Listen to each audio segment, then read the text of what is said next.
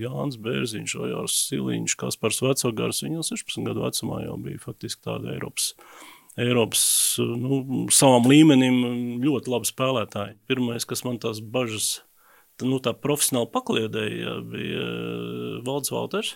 Viņš saka, nu, gražulis tas tā kā Aleksandrs Belovs. Es teicu, pagaidi, pagaidi, mums vēl viens čempionāts būs, būs vēl viena medaļa, tad jūs redzēsiet. Jā. 2013. gadā Latvijas U-20 basketbolisti izcīna vēsturisku Eiropas sudrabu. Kas bija šī panākuma stūrakmeņa? Kas notika ar panākumu varoņiem? Podkāsts Sudraba zēni. Nereiz vien šī podkāstu laikā, piesakot viesus vai sarunu laikā, es esmu lietojis vārdu savienojumus vēsturisks notikums vai vēsturisks panākums. Nu, ja par Latvijas basketbola vēsturi, tad nav labāk zinātāji kā šīs sarunas viesis Gunts Kēsels. Čau, Gunti! Čau! Piekrīt! Pa, pats sev pacelās. Es domāju, ka, nu, nu teiksim tā, savu asti pacelšu pietiekam augstu, bet neteikšu, ka esmu vienīgais, un nu jau vairs nevar teikt arī, ka labākais, jo dažās, vismaz dažos aspektos jau jaunais kolēģis Reinis Lācis man pogas ir izgriezis. Ar skatu no malas, ar skatu no attāluma, jā, tur, kur es esmu bijis klāt, un tas skats varbūt bijis mazliet citādāks, jā. Tā kā viss cieņa Re, Reinim, sveiks Reini. um, bet, bet jā, nu, par vēstures faktiem šo to zinu, protams. Un par to vēsturi arī tad, tad mazliet iesāksim, jo kā īsti ir. Nu, pirmās Latvijas laikā mūsu vīri izlase divas reizes tika pie godalgām Eiropas čempionātos, un, un bija tātad zelts, sapņu komanda izcīnīja pirmo Eiropas meistaru titulu, un tad divus gadus vēlāk uh, mēs netikām ārā no grupas, ja netikām pusfinālā 37. gadā. Lai gan tur tā bilance pat bija, bija laba, un es paskatījos. Divas uzvaras trijās spēlēs, jā. bet bija sliktāk grozstarpība. Vai tiešām? Jo es paskatījos, ka tur pat bija plus 29 Latvijai un, un, un augstāk Francijai. Plus, un... plus 29 bija sakrā to, ka mēs Čehoslovākiju vinējām ļoti pārliecinoši, bet skatījās jau savstarpējās spēles, kad no, bija Francija, Polija, mēs. Un, un pret Poliju bija mīnus 6, pret Franciju mm. plus 3. Respektīvi, no, vajadzēja jā. iemest Frančiem vēl 3 punktus vairāk. Jā. Mm. Nu, labi, un tad ir tas 39. gads, kad ir sudrabs. Bet toreiz turnīra formāts paredzēja, ka fināla nav. Aplis. Tur bija aplis. Astoņas komandas izspēlēja apaļu turnīru, ko daudzi treneri, pieredzējuši treneri vēl tagad uzskata par visgodīgāko veidu, kā noskaidrot labāko, jo tad tu neesi atkarīgs no izlases, neesi atkarīgs no tiem tabulas zariem. Bet, eh, nu jā, bet, ja mēs runājam par 30 gadiem, bija, bija divas fināla spēles. Starp citu, mazliet zemāk ranga turnīros, bet tomēr pietiekami svarīgi un pietiekami prestiži. Bija Nācija kausa Parīzē 37. gadā, kur finālā Latvija zaudēja Francijai 24-25. Kas tas bija Nācija kausa, kas tur bija? Nācija kausā bija sešas, eh, sešas valsts, bija pārstāvēts faktiski visa Eiropas elite, izņemot Lietuvu. Lietuvieši nebija. Nezinu, tas bija pēc Eiropas čempionāta. Tas bija pēc, tas bija, tas bija oktobrī. Tā kā, Tad lietuvieši jau bija izcīnījuši. Lietuvieši bija jau Eiropas čempioni, bet vai viņas tajā brīdī, tajā brīdī varbūt, ka tie rīkotāji aicināja tos viesus agrāk un lietuvieši nekotējās, vai, nu, Ot, sapcīt otru versiju. Otra versija, ka lietuvieši amerikāņi bija aizbraukuši uz Ameriku un ka lietuvieši negribēja riskēt. Jā, arī tādu versiju dzirdēt. Jā, jo te, te pirmsākumi jau bija tādi, ka latvieši sita lietuviešus pirms tie amerikāņi atbrauca. Jā, jā, jā, protams, nu, tas jau, tas jau to arī paši lietuvieši jau nenoliedz, ka tas amerikāņu īpatsvars bija liels, bet jā, turnīrs notika pēc Eiropas čempionāta un tur bija Latvijas komandā bija jau tāda, zinām, rekonstrukcija jau veikta, sastāvs bija pamainīts, jā, vadīt, komandas vadītāji jau bija citi, jā, un, un tika uzvarēts pirmajās, tā, nu, tagad atmiņas jau pieaug, manuprāt, trijās spēlēs. Un, bet nu, finālā bija zaudējums Francijai. Un pēc tam bija Berlīnas turnīrs arī prestiži, kur mēs vinējām. 39. gads. Tas bija 38. gada oktobris. 38. gada mm. oktobris. Vinējām finālā Itālijas komandu, kas bija Eiropas ICE čempioni. Toreiz Rīgā izcīnīties tituls. 26 23, ja nemaldos, bet nu, tas gan būtu jāpārbauda. Jā. Bet, eh, bet jā, šīs divas fināla spēles bija, bet 39. Eh, gadā Eiropas čempionātā bija aplis. Ar, ar šo... neformālo finālu pirmajā spēlē dienā, kad lietuvieši spēle. izvēlējās mūs kā pirmos pretiniekus, nu, acīm redzot, vai bija aprēķins, ka pirmajā dienā jebkurš ir, teiksim, svešā laukumā vieglāk uzveicams. Grūti. Jā, tur tā spēle, beigu rezultāts jau par daudz ko liecina, plus 1, tāda 37, 36 un, un uzvarēja lietuvieši, un, un, un tā spēle patiesībā pēc tam izraisīja arī tādu starptautisku skandālu. Ja? Tad, tad tā varētu teikt. Uh, nu, par, Par skandālu mērogu ir pretrunīga informācija, jo skaidrs, ka teiksim, nu, prese visos laikos ir centusies sakāpināt emocijas trīs, tad beigas nav nekāds izņēmums. Tur bija arī kaut kāda kašķa futbolā ar Lietuvu, un vispār tas kaimiņu attiecības varbūt nebija pašā labākajā stadijā. Un, nu, katrā ziņā daļa no Latvijas preses uzsvēra, ka pirmkārt bija runa, ka garie spēlētāji nedrīkst piedalīties, bet lietuvieši, lietuviešiem ir centrs 20, ja, Prants vai, vai, vai Franks uh, Lubins. Uh, nākamais, ka Franks Lubins ir dzimis nevis biržos, kā lietuvieši to apgalvoja, bet dzimis ir kaut kur Amerikā, un vispār jau nav tiesības Lietuvu pārstāvēt, un tad bija stāsts par tām kā sekundēm vai pieliktajām sekundēm. Bet, uh, nu, ir dzirdēts arī, arī vienkāršākas versijas, ka, nu, patiesībā paši vainīgi, ka nevajadzēja Nevajadzēja mest kaut kādu dūlo metienu, pilnīgi nevajadzīgā situācijā. Vajadzēja pieturēt bumbu, kamēr pilnīgi droši spēle beidzās. Jā, un par Lubinu arī liekamies mierā. Bet paskaties, cik eh, daudz gadu, nu, drīz jau bez mazliet simt gadu būs pagājuši, bet nu, tie jautājumi joprojām tiek cilāti tie paši par tiem naturalizētiem spēlētājiem un par, par eh, viņu piesaisti valsts vienībām. Jā, naturalizēta. Nu, faktiski Lubins varēja būt tāds pirmais, eh, vis, vis, vis, tāds spilgtākais piemērs. Nu, tagad gan tas neiet cauri, jo viņš bija um, olimpiskais čempions ASV izlases sastāvā un Eiropas čempions Lietuvas izlasē. Jā, tagad it kā neļauj spēlēt divās komandās. Bet, eh, nu, jā, jā, jā. Bet tu teikt, ka tas, eh, ka tika atcelts Baltijas kausa futbolā, tagad tas vairāk bija, nu, futbolistiem bija vienkārši iegansts atsaukties uz basketbola notikumiem, lai, lai lai šo rosinātu? Es godīgi sakot, ne, nezinu to futbola stāstu visās detaļās, jā, bet, bet cik es esmu nu, arī lasījis, lasījis, protams, no rakstītiem avotiem, tikai sekojot arī tam, kas noticis vispār Baltijas kausā futbolā, ka tur arī tie visu laiku tie kašķi pa tiesāšanas kvalitāti bijuši un tā. Bet, bet tā pašā laikā man gribētos būt mazliet piesardzīgam un apgalvot, ka 30. gados sports bija viens vienīgs kašķis. Jo skaidrs, ka presa mēģināja vilkt ārā kaut kādas melnās lietas un bieži sakāpināja emocijas. Un varbūt arī, ka ļoti bieži bez tāda reāla pamata, ka patiesībā zēni izgāja laukumā, nospēlēja savu spēli. Jā, kaut kas bija, kaut kas kāds, kaut ko vienmēr neapmierināts. Nu, tad, Nu tā, jā, bet jā, mācoties, sekojot vēsturē tikai no rakstītiem avotiem, nu, jābūt piesardzīgam mazliet. Nu, jā, tā tad varbūt tas populārais viedoklis vai populārā versija nevienmēr ir tā, tā, tā, tā pareizākā versija. Nu, varbūt. Pilnīgi droši, ja nevar tā apgalvot. Jā. Jā.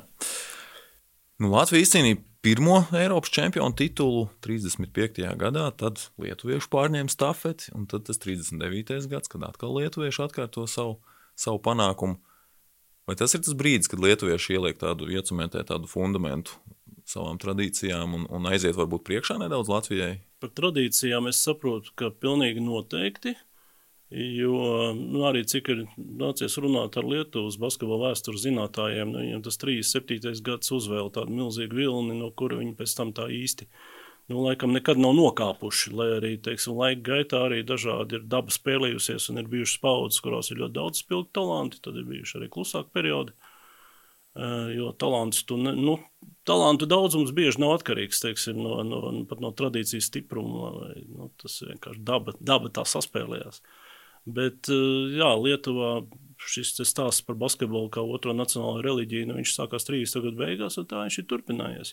Bet kāpēc latviešiem tā nebija? Nu, tomēr pirmais tituls, un arī tālāk mēs cīnāmies par tiem tituliem. Latviešiem es tomēr domāju, ka bija, jo, jo viena lieta, ka tas 35. gada čempionu tituls atved uz Rīgu otrās Eiropas meistars atcīks 37. gadā. Un tur sākās ķēdē, jo, jo Rīga tika beidzot pie modernas sporta bāzes, ja sporta nams pie Brāzas stācijas, kurš diemžēl darbojās tikai četrus gadus. Ja, jo pēc tam, sākoties karam, jā, sportists no turienes izlika ārā, un tur ievācās, ievācās militāristi tajās telpās, un, un tā tur tas, tā māja vēl joprojām stāv, un, paldies Dievam, ir atjaunota, bet nu, tur atrodas autoservis, jā. Nu, lūk, bet, bet šis sporta nams deva, deva pamatu basketbola attīstībai ļoti, ļoti lielu grūdienu. Un, un, un komandas skaits vairojās, un bija spēlētāji daudz un tā, bet kur ir milzīga atšķirība starp Latviju, Lietuvu un arī Igauniju. Ja paskatās, teiksim, kur spēlētāji bija ierindā 45. gadā, kad beidzās karš vai nu, teiksim, kara darbība, mm, tad, tad Latvijai bija palicis viens pats Alfreds Krauklis no tādām nu, pirmā līmeņa zvaigznēm. 30. gadu. Nu, un tad, tad 40. gados tur, tur tie, kas tur nāca iekšā, Olģerts Albergs, ja, bet patiesībā viņš jau pēc tam kā treneris vairāk bija slavens, nevis kā spēlētājs.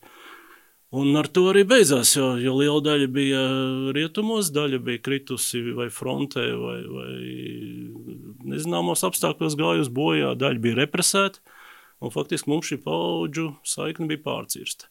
Lietuvieši un Igauni 47. gadā, kad PSRS izlases debitēja Eiropas čempionātā, viņi veidoja PSRS izlases lielāko daļu. Jā, respektīvi, viņiem tās zvaigznes bija palikušas Lietuvā, Igaunijā, izgājušas cauri karam, sveiks, vesels un arī Nu, nezinu, detaļās pilnīgi viss stāsta par represijām, kuram tur kā ir gājis, jā, bet katrā ziņā viņiem bija plaša pārstāvniecība PSRS izlasē, kas liecināja, ka viņiem tā paudze noturēsies. Mums jau nācās sākt no jauna, 50. gados atkal uzvēlās nākamais vilnis. Mm, mm.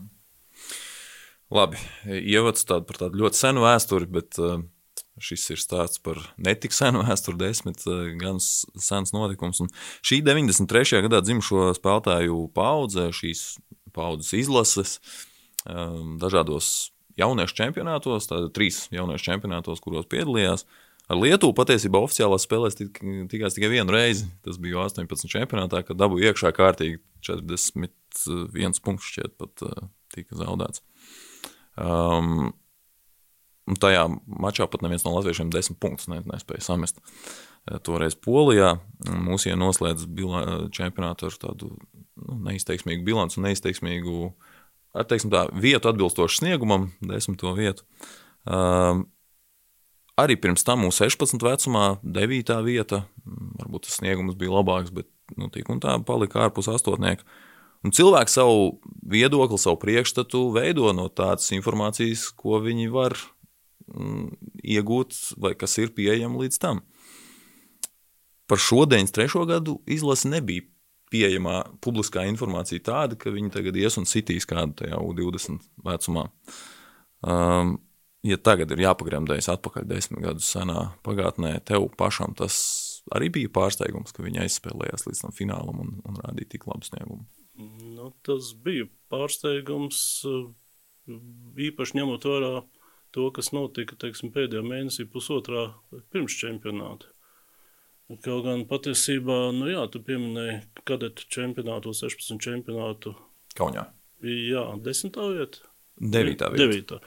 Devītā. Tur jau faktiski bija, komanda bija ļoti tuvu panākumam, jo, jo bija vinnēta, ja es pareizi atceros, bija vinnēta Serbija un vajadzēja pēdējā spēlē Spānija. uzvarēt. Bija, jā, bija vinnēta Serbija, Spānija un vajadzēja pēdējā spēlē uzvarēt Vāciju, kas pati ne uz ko diži nepretendēja. Bet um, kaut kādas absolūtas sagadīšanās dēļ, ah, nu, nevis sagadīšanās, bet tajā vakarā Kaunijā notika spēle Latvija-Lietuva, viens no lielajiem kambals, mm, kambals mačiem pret lietuviešiem. Un braucot uz šo spēli, jā, tajā, tajā mazajā zālē, kur tas gada čempionāts notika, tur ieradās pirmkārt visa LBS vadība toreiz, Ojārs Kehers, Edgars Šneps, uh, Uh, un, un nu, ieradās arī preses delegācija. Negribu teikt, ka tas tur sasaistītos tos puikas, vai viņi pazina tos vīrus vai nē, grūti pateikt. Bet nu, treneris Pēters Ozoliņš izskatījās tāds, tāds tramīgs mazliet šīs skarbās komisijas priekšā. Un, uh, droši vien, tas nebija, tas nebija vienīgais iemesls. Jā, varbūt arī puišiem tur bija kaut kāds psiholoģiskais spiediens pārāk liels. Varbūt bija kaut kāds, nu, viss nianses, protams, neatceros, jā, bet, bet komanda šo spēli zaudēja.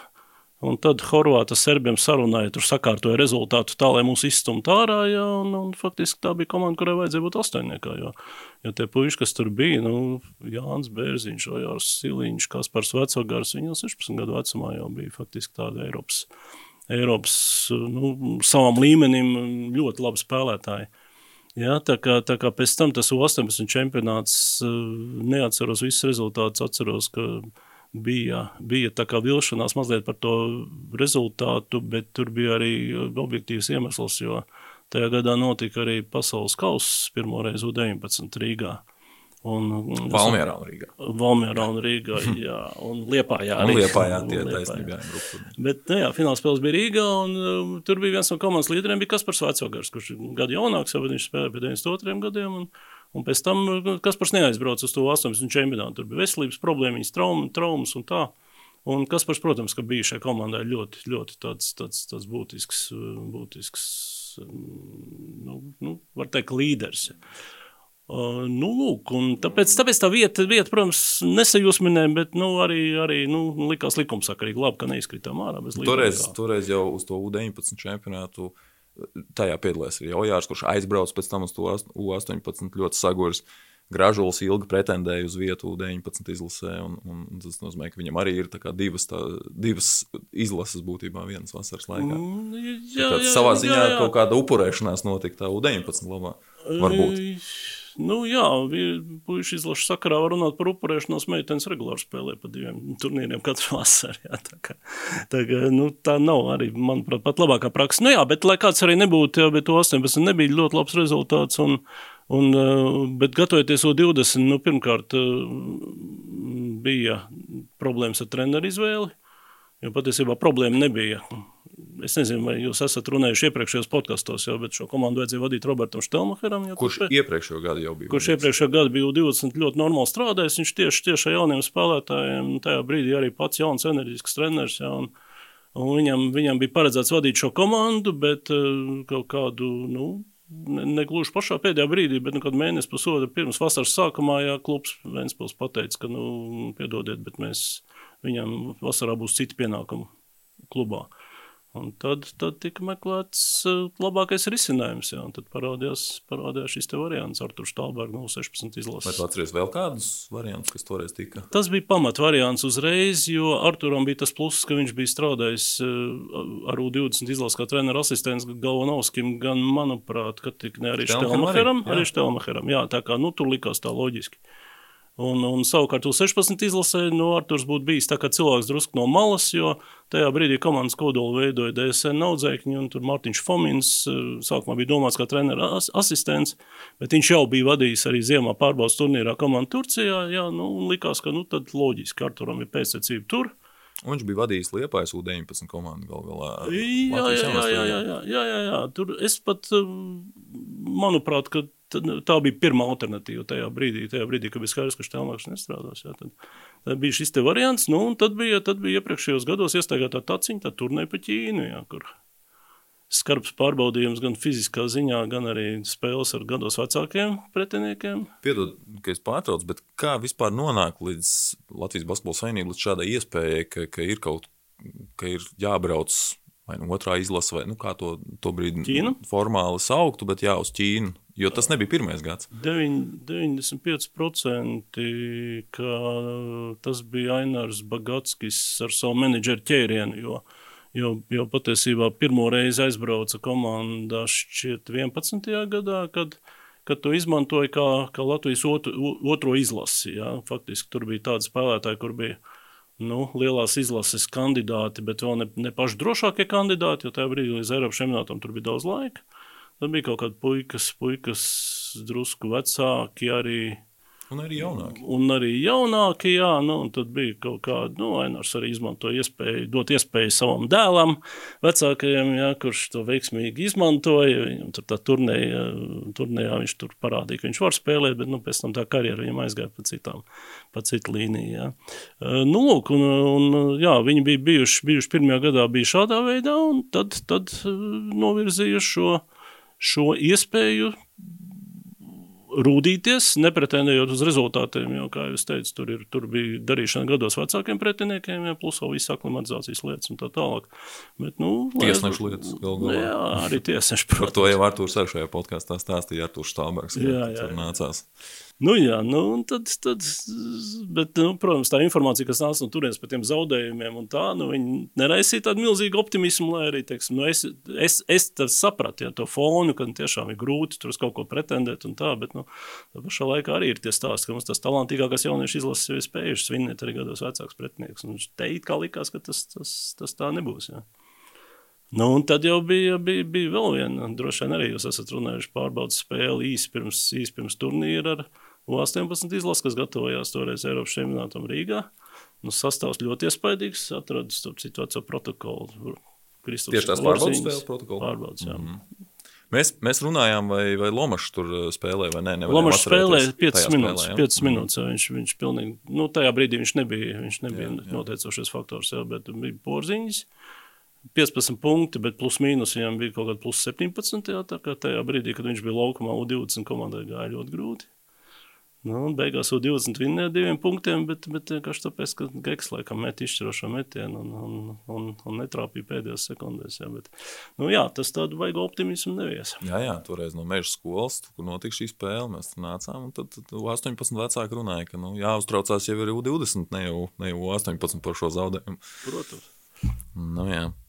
Nu jā, un tad līdz ar to tas, tas kopējais fons arī tev nebija raisījis to pārliecību, ka šī komanda varētu savā U20 čempionātā nospēlēt tā, kā viņi nospēlēja. Nu, galīgi nē. Es gan mēģināju, protams, restaurēt tos savus izjūtas, un es neteikšu, ka man izdevās tā, tā, tā viss pilnībā, jā, bet, bet starp citu, man liekas, ka tas bija pirmais gads, kad uh, Eiropas šemināt, jauniešu šemināt spēles varēja redzēt YouTube. Nevarēja vēl. Vēl nevarēja. Pēdējās spēles rādīja Delfu. Es, redz, es redzēju visas. Tas bija kaut kādā FIBAS lapā, YouTube. Nepateikšu vairs adresi, bet es, es redzēju. Katrā ziņā. Bet tās nav. Nē, tad, tad nē, zini, kā bija. Tad tās nav saglabātas. Varbūt, ka nav Jā. saglabātas, bet, bet, bet zini, kā bija. Tur bija turnīrs, bija tās priekšsacīgas, gāja divās vai pat trijās zālēs. Un vai nebija tā, ka vienā zālē rādīja?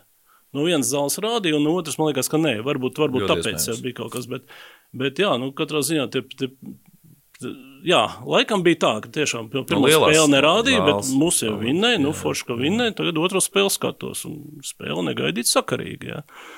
Un, un tad pamazām no nu, katru spēli jau tā pārliecība aug. Tur bija, tur bija laikam, spēle, kas vairs nevarēja ietekmēt mūsu pozīciju grupā, un arī to vinnēja jā, ar visu. Ar visu.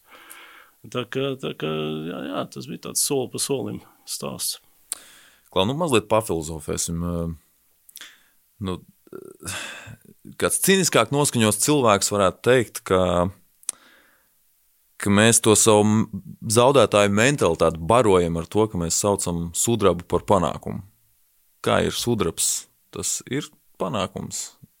Ja tas ir zaudējums finālā, pēdējā spēle ir zaudēta.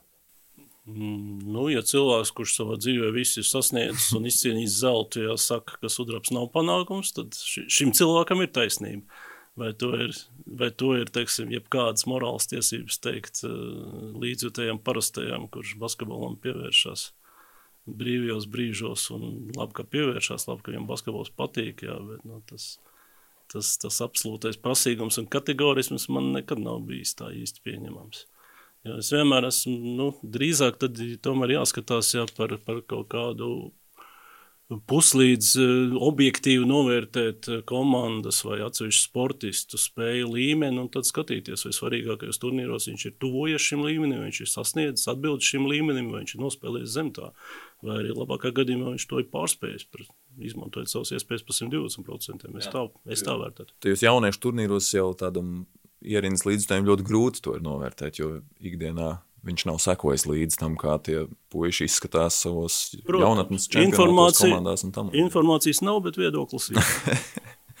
nu jā, jo tad pēc tādas loģikas vadoties, tad, nu, piemēram, arī tas bronzas, kas tika izcīnīts 89. gadiem, būtu lielāks panākums, jo ir uzvar pēdējā, izšķi, it kā izšķirošajā spēlē.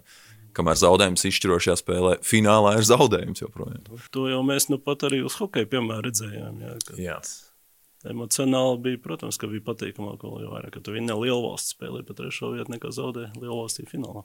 Nu, kā tu sastādītu vispār tādu Latvijas basketbola panākumu sarakstu? Mēģinam, mēģinam fokusēties tieši uz valsts vienībām, uz izlasēm, nevis, nevis uz klubiem, kur mums, protams, ir arī padomju laikā liela panākuma ASK un TTT klubiem. Un arī patiesībā tagad neatkarības laikā atkal. Uh, Mēģinām salīdzināt nesalīdzināmas lietas, jo dažādas paudzes, dažādi laiki, dažādas konkurences. Nu, to var labi pārdot, es tev teikšu atklāti. jā, nu, veiksim darbā. Es neko negrasos tirgot.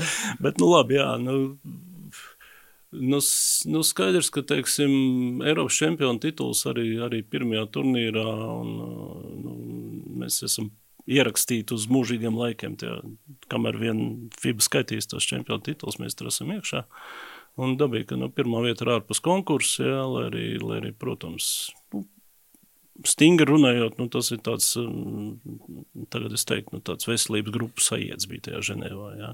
ņemot vērā to sportistu, tā laika sportistu trenētības līmeni, ja nedod Dievs mēģina salīdzināt ar to, kas šobrīd notiek, jā. kā cilvēks jau gatavo, cik ilgi gatavo un kādi konkurence, jā, un cik nopietni ir atlase. Ja. Un tā, jā, bet tajā brīdī, relatīvi pret visu Eiropu, mūsu, mūsu komanda bija labākā. Turklāt, ne, galīgi nevar teikt, ka tā bija sagadīšanās un veiksmes spēle, lai arī teiksim, tur drusku, drusku par kaut kādu veiksmu izlozi arī tur varēja runāt. Jo, jo, jo tā jau Galu galā tas turnīra formāts arī nu, tomēr nu, bija viens mīnus. Nu, vien mīnus, vien mīnus, kas ir nežēlīgs, kas nav, kas nav aplis. Jā, tā kā, tā kā es domāju, ka. Nu, tāds spiedienu viedokļi varbūt pat tas ir vēl sarežģītāk.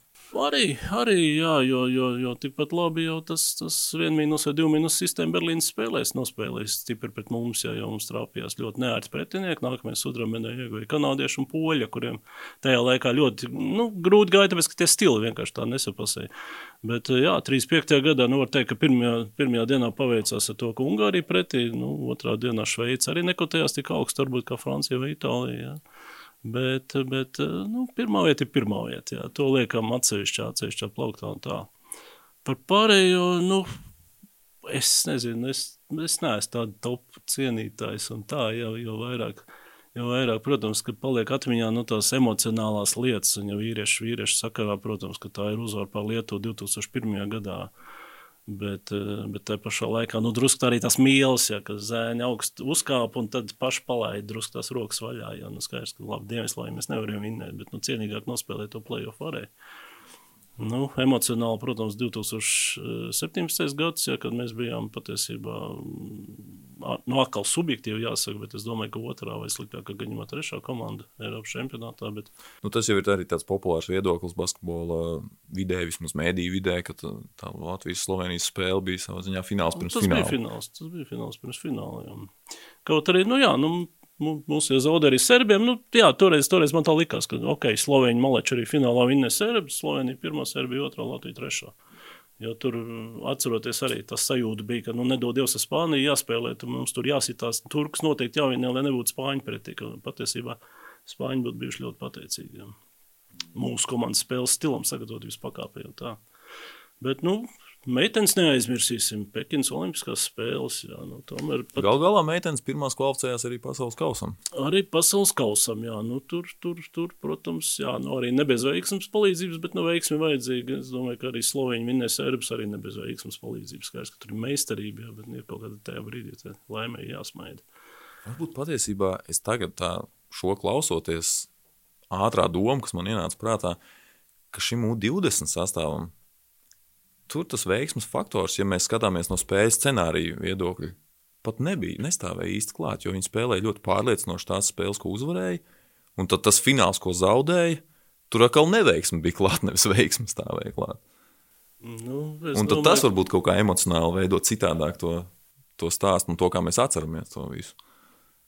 Nu, grūti, jā, no tāda aspekta grūti pateikt, bet nu, pēdējā, pēdējā spēlē es nedomāju, ka tur bija neveiksme. Tur vienkārši, vienkārši resursi mazliet, mazliet pietrūka resursi. Tomēr mūsu komanda jau nu, tur, tur vilka pieci spēlētāji ļoti izteikti. Un, un, un tā jau un toreiz jau bija reglaments, bija nežēlīgāks nekā tagad. Jā, tur bija desmit spēles, tagad jau tu tiec līdz medaļām un septiņām spēlēm. Un, nu, tas arī varbūt kā arī izšķīra. Varbūt mums būtu bijusi zelta komanda, ja būtu bijis, ja būtu bijis tāds reglaments. Jo, jo līdz pat, līdz pat pusfinālam, līdz pat Spānijas, Spānijas spēlēm, patiesībā līdz pat finālam, man liekas, ka pirmās ceturtais vidum vai, vai otrās ceturtais vidum. Mums jau bija iniciatīva. Jā, jā, protams. Komanda bija pārsvars un, un diktēja tos nozīmes. Tā kā mazliet, mazliet pietrūka tikai tā spēka. Mm. Tu šajā panākumu uzskaitē nenosauc nevienu no jauniešu izlašu panākumiem. Vai tas nozīmē, ka nu, tu redzi, ka jauniešu izlasēm medaļām nav jābūt pašmērķim? Nenosauc, tāpēc, ka nu, grūti salīdzināt nesalīdzinamas lietas. Ja, tomēr, nu, tur, ir, tur ir cits stāsts. Jo, Jo, nu, manā teiksim, nu, pirmkārt, absolūta pārliecība, ka, tā, ka komanda brauc uz turnīru, ja mērķim jābūt uzvarēt katrā spēlē, izcīnīt pirmo vietu, ja, nu, tur, tur kaut ko stāstīt, ka mēs te gatavojamies tagad nākotnē, nu, nu, to tā kā nevajadzētu. Bet te pašā laikā nu, izvēloties sastāvu un arī veidojot, veidojot kaut kādu treniņu procesu, un varbūt arī atsakoties no spēlētāja, kuram ir kaut kādas veselības problēmas tajā brīdī, ļaut viņam izārstēties vai vai, vai, vai noticēt tam, ka individuālā sagatavošanās tajā vasarā tieši viņam būs vērtīgāk viņa karjerai, tā kā tas, teiksim, ar to pašu Kristofu Purziņu bijis. Ja? Tur gan man liekas, ka jābūt elastībai. Tur, tur nevar teikt, ka mēs tagad iesim cīnīties par Latviju. Mums vajag vislabākos spēkus par katru, par katru cenu. Jā. Kā... Nu jā, es tieši arī, šim arī gribēju pieskarties, jo, ja mēs skatāmies no šīs U20 izlases, sudraba zēns, tad toreiz jau atšķirībā no vairākām citām vadošām izlasēm Eiropā, viņiem bija visi labākie sastāvā. Un toreiz neviens nebija izvēlējies to, nu, to individuālo gatavošanos, kur neietilpst pārstāvēt Latvijas U20 izlasi tajā vasarā.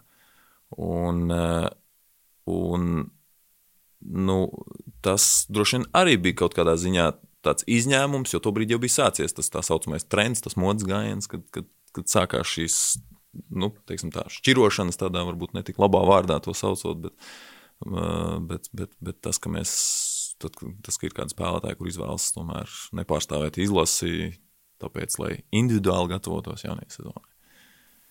Nu, tā mode ap to laiku sākās. Mums jau arī bija gadījumi, jau patiesībā arī iepriekš jau bija gadījumi, kad spēlētāji. Spēlētāji, un, nu, parasti jau tas iemesls ir bijis trauma vai kaut kāda veselības problēma. No malas, protams, ir ļoti grūti izvērtēt, cik tas ir nopietni un cik tas var atstāt ilgtermiņa sekas. Ja, ja ir jau traumas, kuras tu īsti nevar, nevar padziļināt tā, ka tev pēc tam visu mūžu būs ar to problēmas. Un ir savukārt it kā sīkumiņi, kas sakrājās. Un, Tagad tur jābūt mediķim, mediķim lai, to, lai to ritīgi izvērtētu. Jā. Bet, eh, nu, jā, bet starp citu, par, eh, atgriežoties vēl pie tā, pie tā panākuma īpatsvara, bija amizants, amizants gadījums. Tie pašā 2013. gadā, kaut kā divi mēneši pēc, pēc mm -hmm. čempionāta, man gāja mm, finiša taisnē, eh, gāja grāmatas sagatavošana 90, uh, basketbola valstsienība 90 spēles, 90 gados, un viņām angļu anotācijas gatavoja tāds sporta cilvēks kā Kārlis Streips. Uh, un Karls Streips uh, galīgi neuzmācās zināšanām basketbolā. Es jūtu, ka viņam basketbols svešs, bet, nu, protams, valoda, valoda tur perfekta un tā. Un, Bet, bet pašā beigās viņš tikai uzrakstīja e-pastā, vai tiešām jums šajā grāmatā nekas nebūs par to izcilu notikumu, kam pat es sekoju tajā vasarā? Respektīvi, tas, tas sabiedriskā rezonance, kas, ko izraisa arī ļoti bieži arī jaunatnes izlaša starti, ja? nu, tas vēl ir aspekts, kas arī varbūt, varbūt jāņem vērā un pilnīgi noteikti jāņem vērā Basketbola savienībai, organizējot, teiksim, teiksim to procesu. Ja? Bet, nu, pretī ir, protams, jā, šīs spēlētāju ilgtermiņa intereses un vai ir vērts upurēt visu, lai būtu šis blīkšķis un arī efekts uz, uh, uz publiku, kas varbūt nav tā basketbola primārā auditorija. Ja? Tā, kā, tā kā ļoti, ļoti, ļoti interesanti. Tam arī mēs mazliet vēlāk pieskarsimies, bet paturpinot to domu par, par spēlētājiem. Uh, nu, es arī esmu ar tiem cilvēkiem, kur, kur uzskata, ka tomēr uz jauniešu izlasēm jāskatās plašāk, un, un, un galvenais ir varbūt nevis tā medaļa vai vieta jauniešu čempionātā, bet tas, uh, talantu līmenis vai tas, ko mēs varam dabūt lielajai, pieaugušo valsts vienībai no katras konkrētās izlases un profesionālajiem basketbolam vispār. Un, nu, ja mēs tā skatāmies, tad šeit ir uh, astoņi spēlētāji, kas joprojām desmit gadus vēlāk turpina profesionālās karjeras, visi ir atzīmējušies kaut vai ar vienu spēli valsts vienībā. Un tā 95. gadu izlase, kas tajā pašā vasarā nedaudz vēlāk palika 4. vietā šeit pat Rīgas čempionātā ar uh, ar Porziņu, Pasečnieku un visiem Šmitu sastāvā, Lomažu un citiem. Nu, tā izlase arī mums ir desmit gadus vēlāk joprojām dod astoņus profesionāļus, ja mēs tur pieskaitām Ivaru Žīguru, kurš Norvēģijas augstākajā līgā spēlē, uh, un, un, un, un pat piecus spēlētājus lielajai izlasē šobrīd.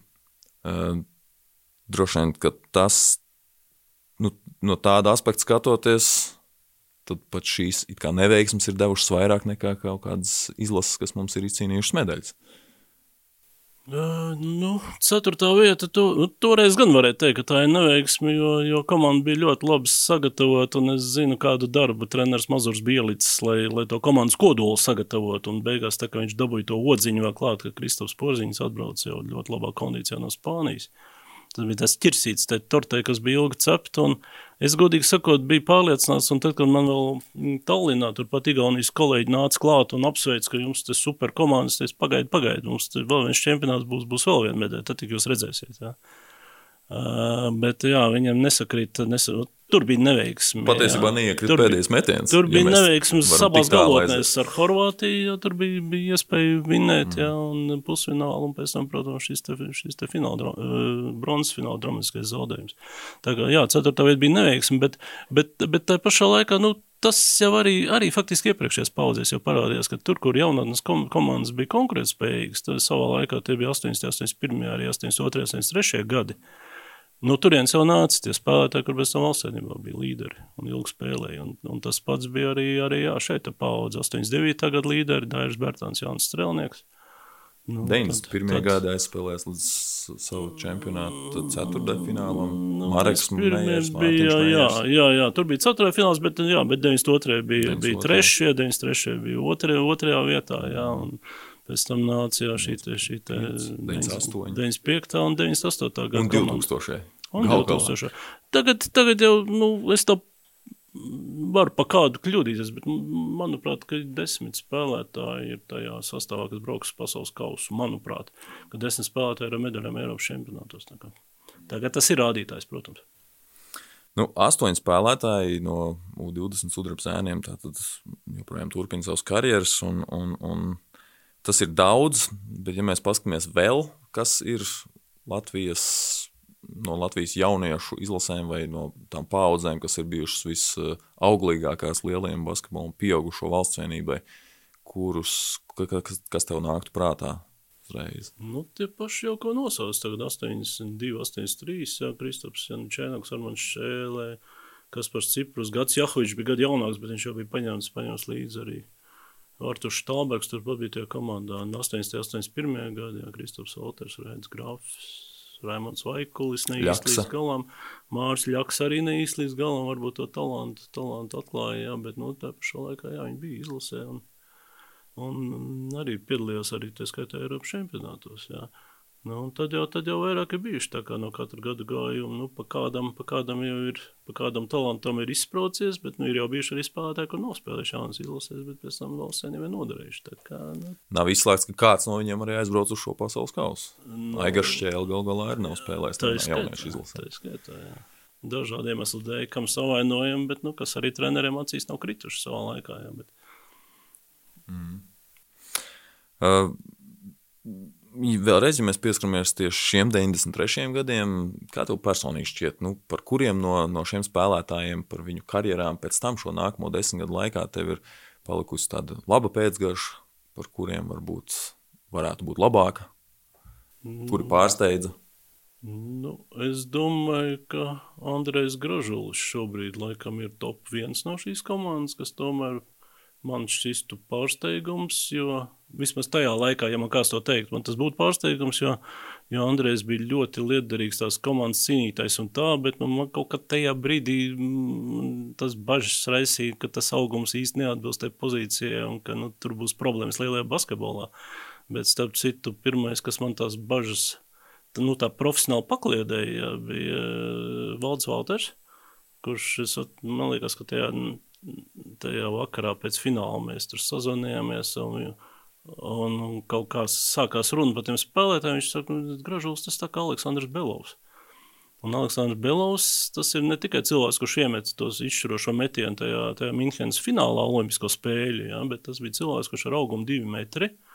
Nu, labi, citi laiki mazliet, bet, bet arī toreiz jau bija 2,15 centra spēlētāji. Viņam bija augums 2 metri, viņš ļoti produktīvi un ļoti labi darbojas tieši centra spēlētāja pozīcijās ar savu, pozīciju, ar savu izcilo basketbolu, to intelektu, ja, ar basketbolu ložu, ar, ar precīzu spēju izvēlēties pareizo pozīciju un tā tālāk. Ja. Nu, nu, nu, tad es skati, sāku skatīties uz Andreju kā uz potenciālo nākamo, nākamo Belovu. Ja, nu, droši vien, ka nu, pilnīgi noteikti ir atšķirības spēles stilā un tā. Jā, bet, nu, nu, mūsdienu jauniešiem varbūt tas valdu pēdējais salīdzinājums, valdu Valtra pēdējais salīdzinājums varētu šķist uh, pazīstamāks, proti, Čārls Barklīs. Mm, jā, varbūt. Es par Barkliju savukārt uh, neko nekomentēšu. Amerikas basketbolu ļoti slikti zinu. Bet, uh, jā, bet nu, katrā ziņā. No nu, atšķirībā no Barklija mēs novēlam, novēlam Andriem noteikti izcīnīt kādu čempionu titulu vēl bez Latvijas tituliem jā, jā nu, tas, arī, tas arī noteikti. Bet, nu, jā, jā, tā kā, tā kā, tā kā gražulis noteikti, nu, nu, žēl, ļoti žēl man tiešām ir par, par nu, faktiski par diviem spēlētājiem, kuriem tomēr savainojumi, savainojumi tomēr ļoti nopietni nobremzē karjeras. Jā. Tas ir Kaspars Vecogars un Jānis Bērziņš. Uh, laikam, Ojāram arī tur ir kaut kādas lietas, arī veselība droši vien, ir piebremzējušas. Jā, tā kā, nu, jā, jā, tas, ir, tas ir tāds atgādinājums, ka teiksim, tas sports ir nežēlīgs, un tu nevari plānot, un tu nevari paredzēt, jā, bet, bet tev jābūt gatavam izmantot iespējas, ja tev viņas ir. Jā. Mm. Kaspars būs šī podkāsta pēdējās epizodes viesis. Un, un, un tā bija tāda ļoti feina saruna, būs, un, un atklāsies arī, manuprāt, tāda personības šķautne. Galu galā viņš šobrīd jau ir beidzis savu karjeru, var paskatīties uz lietām perspektīvā. Un, un tas, ka viņš 30 gados ir noslēdzis savu spēlētāju karjeru, tev ir pārsteigums. Šis U20 sudraba zēna kapteinis vairs nespēlēs profesionālu basketbolu. Nu, kā lai pasakā, arī pirms desmit gadiem es teiktu, ja kāds teikt, ka kas par 30 gados liks, liks, liks punktu, tad tas man šķistu, nu, nu diez vai tā būs, gan jau, gan jau, ka būs labi. Tagad skatoties, kā kas par tā karjeru attīstījās, tad, nu, Spānijas otrā līga nopietnas turnīrs un tā tālāk, jā, bet uh, es domāju, ka viss cieņa par šo izvēli, jo, jo es esmu pārliecināts, ka tajā līmenī Kaspars varēja turpināt spēlēt un, un pelnīt, nu, to, nosa, iet to nosacīto profesionāļu ceļu, kas faktiski kaut kādu brīdi nodrošina zināmu, zināmu nu, dzīves līmeni un tā, bet nu, tur droši vien par ilgtermiņa stabilitāti būtu grūti runāt. Jā, un tad ir svarīgi laicīgi domāt, ko darīs. Ko darīt pēc karjeras, jā, kas par to ir izdarījis nu, agrā vecumā. Visi cieņi vēlreiz par drosmi. Tas droši vien parāda nobriedus personību arī savā ziņā. Uh, tas ir, jā, jā tā, tā, tā varētu būt, bet eh, par kas par šai ziņā man, nu, cik, cik man ir bijusi darīšana mm, vairāk attālināt, sekojot viņa gaitām, jā, bet arī, arī nu, skatot arī, arī no intervijām, ko viņš sniedz man vai kolēģiem, jā, nu, tur par, par tādu personību, par vispusīgu personību es nekad neesmu šaubies, jā, tur tādā ziņā, tādā ziņā viņš tiešām ir. Nu, varētu, varētu teikt, ka pat paraugs, paraugs jauniem basketbolistiem. Un, laikam arī nepārsteidz tas, ka viņš ir jau pievērsies nākamajai savai karjerai, proti, treneru arodam, jo tas, kā viņš cik dziļi ieiet eh, kaut vai tādās it kā vienkāršās sarunās par basketbolu, nu, cik niansēti skatās uz lietām, tas arī ir savā ziņā atšķirīgi no lielas daļas, lielākās daļas Jā. masas. Jā, jo, jo izskatās, nu, viņam tomēr, tomēr eh, tie vairāk gadu žāgi ir sistēmā, jā, un tāpat tā Spānijas basketbola pieredze. Tāpat VFA, ja tā pieredze ir krājusies, un viņam viņa nāk ārā, kas ir, kas ir labi, jā, un, un tā teikt, dodies, dodies, lai profesionāla karjera attīstās veiksmīgi, jo, protams, ka treneru darbā spēlētājiem risks ir traumas, treneriem riski citi, bet, bet riski nav mazāk. Jā. Klau, eh, tas laiks, 2013. Mm, gads, bija laiks, ka tu nesen biji uzsācis redaktoru darbu Basketbolā lapā, vai ne? Nu, relatīvi. Es sāku jau 10. gadā, tā kā 13. gads man bija. Jau kāds laiciņš. 13. gads, 13. gada vasarā man bija trešā izlaša vasara, un tur bija, tur bija patiesībā tā, ka es, es iesaistījos LBS darbā tūlīt pēc tam, kad eh, vinnēju 18 izcīnīja bronzas medaļas 92. gadi, un, un tūlīt pēc tam, kad meitenes 90. gadi arī bronzas medaļa Eiropas čempionātā. Uh, Tāpat, tā, tāpat Latvijā notika. Tāpat, jā, Liepājā, Liepājā grobiņā. Mm. Un, un es ienācu LBS, un tur, tur tāda tā šūmēšanās valdīja, ka redz, cik mums labi iet. Es domāju, nu, tagad jau izskat, nu, tagad, te jau katru gadu šitā te būs. Un tad bija divi gadi, bija tukši. Jā. Tagad 13 gadu vasara tiešām bija ļoti emocionāla gan ar, gan ar nu, 20 puišiem, ar 18 puišiem, pēc tam arī vīriešu, vīriešu valsēnība, nu, tomēr labi nospēlēja Eiropas čempionātā. Eh, tu jau pieminēji Kārlu Streipu, kurš kā, par basketbolu varbūt ne tik ļoti interesējās, bet, bet kur bija pamanījis šo turnīru. Kā vispār pieauga sabiedrības interese šī turnīra laikā? Bija, bija kaut kādi zvani uz Basketbola savienību, tur interese par nezinu, biļetēm nokļūšanām vai, vai tam līdzīgi. Varēja just to, ka, to, ka ir kaut kas. Tur ļoti stipri varēja just, jo, jo, jo Nu, katrā ziņā uz to finālu jau savēlās milzīgs tas, tas intereses kamols, jo tur bija sagadīšanās pēc. Tieši tajās dienās notika pozitīvs festivāls Salātsgrīvā. Un tad, tad, tad bija stāsts, ka cilvēki no Salātsgrīvas brauca uz Svētdienas vakarā, tātad fināls Tallinā, jā, tomēr tur tā kā pusceļš, un, nu, man nav, protams, statistika, jā, cik bija, cik paspēja apmeklēt abas pasākumus, jā, bet tas, tas stāsts bija pietiekami dzīvs, ka mēs esam pusceļā, mēs aizbrauksim arī, arī uz, arī uz Tallinu, un tur bija tā, ka Igaunijā vēl bija, Nē, Igaunijai jau bija eiro tajā gadā, un biļetes sākumā, dienas sākumā uz finālu maksāja 5 eiro. Un man piezvana viena kompānija no Rīgas, ka nu, mēs brauksim, nu, katram gadījumam nopērts biļetes. Un es aizēju nopērku par 5 eiro, pēc brīža nopērku atkal par 5, un pēc brīža jau tā biļete maksā 10. Tā kā Igauni arī bija noreaģējuši. Un katrā ziņā jā, jā, tā, tā kustība bija liela, kas notika LBS oficiālā. Nu, tā bija svētdiena. Jā, tā kā, tā kā tā visticamākais, ka, visticamākais, ka oficiālā nekas. Jo es biju arī Tallinā, Tallinā uz uh, izslēgšanas spēlēm. Es biju jau tur, jau sākot no ceturtdaļfināla fināla. Uh, jā, bet, bet man bija šie privātie zvani, un es zinu, ka mēs likām, likām mājaslapā, un laikam, nu, kāda nu, toreiz bija pieejama. Ah, Twitter jau darbojās, protams. Twitterī likām, ka biļetes jau var dabūt, ka brauciet un tā un tā, un nu, tad beidzās ar to, ka Nu, cik es saku, saku Hallē 6,5 tūkstoši vietas. Nu, laikam, 6,800 ir oficiāli. Nu, jā, nu, tā bija kāds 6,000 bija un absolūti lielākā daļa bija latvieši. Nu, jā, un tad uh, par to pozitīvu stāsts ir, ko es arī esmu dzirdējis no cilvēkiem, kas atbrauca, bet tie, kas neatbrauca, tie skatījās tur uz lielajiem ekrāniem. Un laikam arī šī skatīšanās kopīgi tika rīkota kaut kur, šķiet, pie Liepājas arēna, uh, Olimpiskā centra bija ekrāns uzlikts. Un... Varbūt par liepāju nezinu, bet skatīšanās bija. Un katrā ziņā Delfu toreizējais vadītājs Arnēs Ozols pēc tam stāstīja, ka viņi bija visu laiku pirkuši klāt tās servera jaudas, jo Delfi nodrošināja to translāciju toreiz. Tā nebija televīzija.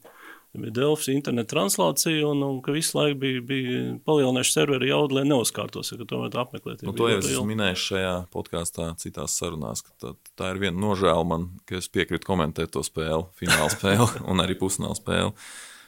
Jo es atrados un tur uz vietas no un saņēmu zvanu. Nē, nē, nē es ah, atrados tur, es visu turnīru gaitā atrados uz vietas un, un, un tad saņēmu zvanu no Arņa Ozola pirms pusfināla, ka vai es varētu. Es tā viegli prātīgi piekrītu, ko es droši vien otrais nedarītu. Nu, noteikti otrais nedarītu. Bet, bet finālā apmeklēja starp tiem gandrīz 7000 līdzutēju arī vairāk Latvijas pieaugušo basketbola izlases spēlētāju. Un, un Un varbūt to brīdi vairs ne izlases spēlētājs, bet joprojām profesionāls Andris Biedriņš pat bija tribīnēs redzēts uh, pirms savas pēdējās sezonas NBA. Mm, tas bija kaut kādā ziņā arī LBS kā kūrēts un, un varbūt aicināja pieaugušo izlases basketbolu doties atbalstīt, vai, vai, tomēr, vai tomēr tā bija katra paša iniciatīva toreiz. Nu, neņemšos tagad spriest eh, par Aināru Bagātsku iesaisti visā procesā, jo, nu, ja mēs sakām, ka tagad Luka Banki ir izcils komunicētājs, tad Ainārs Bagātskis no latviešu treneriem, es domāju, ka ir atrāviena pirmajā vietā. Viņš tieši par to komandas mikroklimatu, jo viņš vienmēr ļoti piedomāja un arī ar spēlētājiem komunicēja nepārtraukt un tā. Bet vai tieši tajā reizē nezinu, nezinu būtu, absolūta spekulācija. Nu, Drīz, drīzāk, drīzāk es domāju, ka nē, ka, nu, ka čaļi paši savā starpā. Jā. Varbūt arī kādos chatiņos parādījās informācija, jo jā, pirms jā. spēles es arī satiku Jānu Blūmu, toreiz, jau toreiz izlases kapteini ar Kristapu Zēdu, atbraukuši bija tikko. Un, un, un jā, nu tā paudze, kas spēlē, viņa jau bija arī, un ir joprojām, es domāju, ka labi draugi ir ārpus laukuma daudz, tā kā tur tādas, tādas neformālas kompānijas veidojās. Jā, bet... Klau, nu, un pēc turnīra galvenajam trenerim Arturam Štālbergam Latvijas Basketbola Savienība uzdāvināja šūpuļtīklu. Pastāst par šo tradīciju. Viņš nebija pirmais un arī ne pēdējais, kurš, kurš saņem šādu, šādu dāvanu par izcīnītu medaļu. Kāpēc tā? Kāpēc šūpuļtīkls? Šūpuļtīkls tās, es pie, es pie viņa tapšanas ne, nebiju klāt, bet, eh, bet es zinu, Es zinu, ka šobrīd tīkls tās bija nu, tās simboliskā nozīme, ka treneris ir kaut ko sasniedzis. Treneris ir ilgi strādājis, veidojis šo komandu, salipinājis viņu kopā, un tagad var baudīt uzvaras augļus. Bet nu, spēlētājiem gan nevajadzētu atslābt jauniešiem. Spēlētājiem taisnēs ceļš uz sporta zāli un turpināt trenēties, jo, jo jauniešu čempionātā izcīnītiem medaļai tas ir patīkami, bet tas ir tikai starposms ceļā uz tādu nopietnu karjeru. Kaut gan neapšaubāmi, nu, ir, ir spēlētāji, kuriem objektīvi arī tiešām šī pat līdzdalība jaunatnes čempionātā un vēl jau vairāk medaļas izcīnīšana, tas objektīvi ir karjeras virsotni, jo nu, vienkārši māte daba nav vairāk ielikusi, jā, vai vēl kaut kas. Nu, nu, arī šī podkāsta saistībā es varu droši atklāt teikt, un es par to noteikti neesmu apvainojis, ka ir tādi, kas atteica dalību šajā turnīrā no spēlētājiem, kur vienkārši uzskatīja, ka, ka tas posms ir noslēdzies. Citi, varbūt kādi, kas mm, vairs nav spēlētāji un jau neilgi pēc šī turnīra, tiem varbūt nu, varētu saprast vēl vairāk šo, šo motivāciju, bet arī tādi, kas joprojām ir spēlētāji. Bija kas teica, ka nu, man īsti neinteresē par to vairs gremdēties šajās atmiņās. Mm, nu, jā, cilvēki, cilvēki ir ļoti dažādi. Un... Cilvēki ļoti dažādi un tiešām nu, reizēm, reizēm nu, tā, no tādām tīrām līdzjūtēju pozīcijām skatoties, liekas, nu, kaut kas, kaut kas nu, neloģisks lēmums. Tā, jā, bet dažādi cilvēki, dažādas prioritātes dzīvē. Nu, jā. Par to šūpuļtīklu noslēgumā nu, noteikti gribētos pasapņot, ka arī Luka Banki varētu tikt pie kāda šūpuļtīkla savā, savā, laik, savā pavadītajā laikā pie Latvijas izlases. Mēs zinām, ka tas būs vēl kādu laiku, e, vismaz līdz 25. gada Eiropas čempionāta beigām. E, nu, tagad pirmais turnīrs ir pasaules kausa. Kādu tu redzi to reālāko scenāriju? Tas šūpuļtīkls tur kaut kur karājas Nu, Šūpuļtīgls vispār ir jaunatnes izlaša stāsts, jo pieaugušiem nav jau precedenti, nav jau bijusi vajadzība vēl, vēl domāt, ko un kā, bet es tiešām domāju, ka tur varētu būt, eh, tur jāmeklē kaut kāds cits simbolisks dāvana. Bet, eh, nu, ja pa scenāriju, eh, tā kā Dairs ir aizliedzis runāt par nāvas grupām, grūtām grupām un tā tālāk, tad, tad nerunāsim, jā. Bet es domāju, ka viegli nebūs. Jo tomēr, tomēr ja basketbolu spēlēt uz papīra, jā, tad saliek visus tos auguma parametrus. Un, nu, tur turnīrs jau būtu beidzies. Droši. Turnīrs būtu beidzies, jā, un mūsu komanda arī teiksim, ir labākā, kas mums ir bijusi kopš neatkarības atjaunošanas, pilnīgi noteikti. Bet, bet tomēr nu, pretī arī tur nav, nav, nav puisīši. Jā, bet nu, to basketbolu spēlē 40 minūtes vienā konkrētā vakarā, vienā konkrētā spēlē. Tas ir viens. Otrakārt, otrkārt, es tomēr domāju, ka komandām ir dažādas sagatavošanās stratēģijas. Jo skaidrs, ka Francija, kas ir tā, tad nu, var kaut ko tagad, tagad uh, ātrumā saputurot, bet Olimpiskais fināls, Eiropas čempionāta fināls, pirms tam pasaules kausā trešā vieta, bet vinnēt Amerika. Nu, 17. gada Eiropā viņam gāja sliktāk, ja? bet, bet respektīvi Franči brauc pēc zelta medaļas, es domāju. Zelt, par zelta medaļu būs jācīnās 10. septembrī, nevis 25. augustā. Nu, tad jāskatās, kā viņi būs saplānojuši gatavošanos, kā viņi būs strāpījuši ar gatavošanos, vai, vai kāda spēlētāja motivācija. Man, piemēram, es redzēju, redzēju bija klātienē pagājušajā gadā Eiropas čempionāta finālā. Man ļoti nepatīk, kā Frančija spēlē finālu, jo tur bez, nu, nejūta tā kā liela uguntiņa acīs kaut kā dīvaini. Varbūt tāpēc, ka es ļoti augstu sēdēju. Bet, nu, spēle beidzās tā, kā beidzās. Ja Spānija uzvarēja, Francija zaudēja. Tas par frančiem. Nu, Kanāda, mm, to bija ļoti labs raksts tagad Delfos. Ja, es domāju, es tur tur nepārstāstīšu, kāda spēka viņa rīcībā. Jā, un, un viņiem ir tas kas, tas, kas nav frančiem. Viņiem ir absolūta motivācija revanšēties jau par to, ka 19. gadā viņiem arī bija laba komanda, bet nāvas grupa un, un divi zaudējumi un viss beidzās. Jā, nu, tagad, tagad viņiem tā kā vajadzēja būt motivācijai. Mūsiem arī motivācijas netrūkst. Nu, melnēs zirdziņš Libānā, ar kur jāspēlē pirmajā dienā, kad dažādi brīnumi mēdz gadīties. Ja? Tā kā es domāju, ka mums gaida ļoti interesants turnīrs. Nu, arī var skatīties, kas citās grupās notiek. Tur būs daudz labāk. Labi, es pajautāšu nedaudz citādāk. Tu mēģini tā izvairīties politiski korekti no atbildes. Bet, bet uz ko būtu jānoskaņojas līdzjutējiem? Kā līdzjutējiem ir jāuztver tagad šajā rudenī Latvijas izlases sniegums spēles? Kā vērtēt? Pēc kā vērtēt? Kādiem kritērijiem? Es gribētu tomēr noskaņoties to, ka mēs esam konkurētspējīgi ar minētajām komandām. Un konkurētspējīgi tas nenozīmē, ka mēs obligāti viņus, viņus, viņus, vin, viņus vinnēsim, jā, bet tas nozīmē, ka mēs varam vinnēt. Un basketbols jau ir nu, neizšķirts, nav aizsardzībā. Tu nevari ierakties, noturēt 0-0.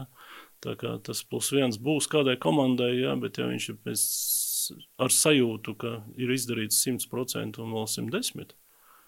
Un arī tad, tad, tad ja ir zaudējums, jā, nu, nu, kaut kas līdzīgs jau skanēja arī godīgs komandas preses konferencē. Jā, mēs, mums jāizdara viss, ko mēs varam, un tad, ja pretinieks stiprāk, nu, nu neko. Ja, bet, eh, bet nu, atkal jāpiesauc, būtu 39. gads un apļu sistēma, ja, tad, tad eh, būtu objektīvā, protams, noskaidrot to mūsu vietu. Tas, tas, ka mūsu vieta nav, šobrīd nav 25.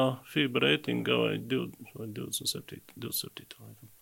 Tas, ka mūsu vieta objektīvi ir augstākā, nu, tas būtu skaidrs, jā, bet, bet eh, diemžēl to, to, tie punkti jau krāsies atkal tajā nežēlīgajā sistēmā, jā, kur viens, divi zaudējumi at, var atmest tālu atpakaļ. Tā kā tā, nu es, domāju, es domāju, ka komanda būs cīņas spējīga un konkurētspējīga. Cik spēcīgi būs pretinieki, to es nezinu. Nu, pašā noslēgumā viens ļoti uh, netaktisks jautājums, ņemot vērā eh, tavu, tavu saistību ar Basketbolu savienību. Vai sudraba zēns kāds būs šajā izlasē? Andrejs Gražuls un Toms Leimans ir tie, kur pretendē šobrīd uz, uz, uz vietu valsts. Nu, par, par vienu es esmu ļoti pārliecināts, eh, par otru eh, jāskatās, kas notiks. Eh, vēl jau, vēl jau visi blakus faktori ir jau ne tikai sportiskais līmenis, bet arī traumu riski un tā tālāk. Jā. Un tomēr, nu, skaidrs, ka manā prātā ir kaut kāds ideālais 12, kādu es gribētu redzēt, jā, kurā jau korekcijas izdarīs strēlnieku un lomašu traumas savā laikā. Tā kā, tā kā, tāds ideālais 12 ir noteikti arī Lukam Banki un gan jau visiem treneriem, visiem, pilnīgi, pilnīgi visiem, jā, bet tā mana, mana pieredze saka priekšā, ka parasti šajā 12 tiek, notiek izmaiņas, kuras iepriekš nav paredzētas kaut kādu, nu, pirmkārt savainojumi, otrkārt, tomēr mēnesi, mēnešu laikā kāds var nesasniegt sportisko formu, un kāds var pārsteigt ar ļoti labu sportisko formu, un tad arī tur var būt korekcijas. Ja? Tā kā jā, no šiem diviem nu viens būs. Viens, viens būs. būs. Viens būs. To mēs arī viņam novēlam. Novēlam arī veiksmu Latvijas izlasēji. Un paldies tev par sarunu. Paldies un tiekamies basketbolā. Podkāsts Sudraba Zēni. Klausies arī pārējās šī podkāstu epizodes un iesaki tās citiem.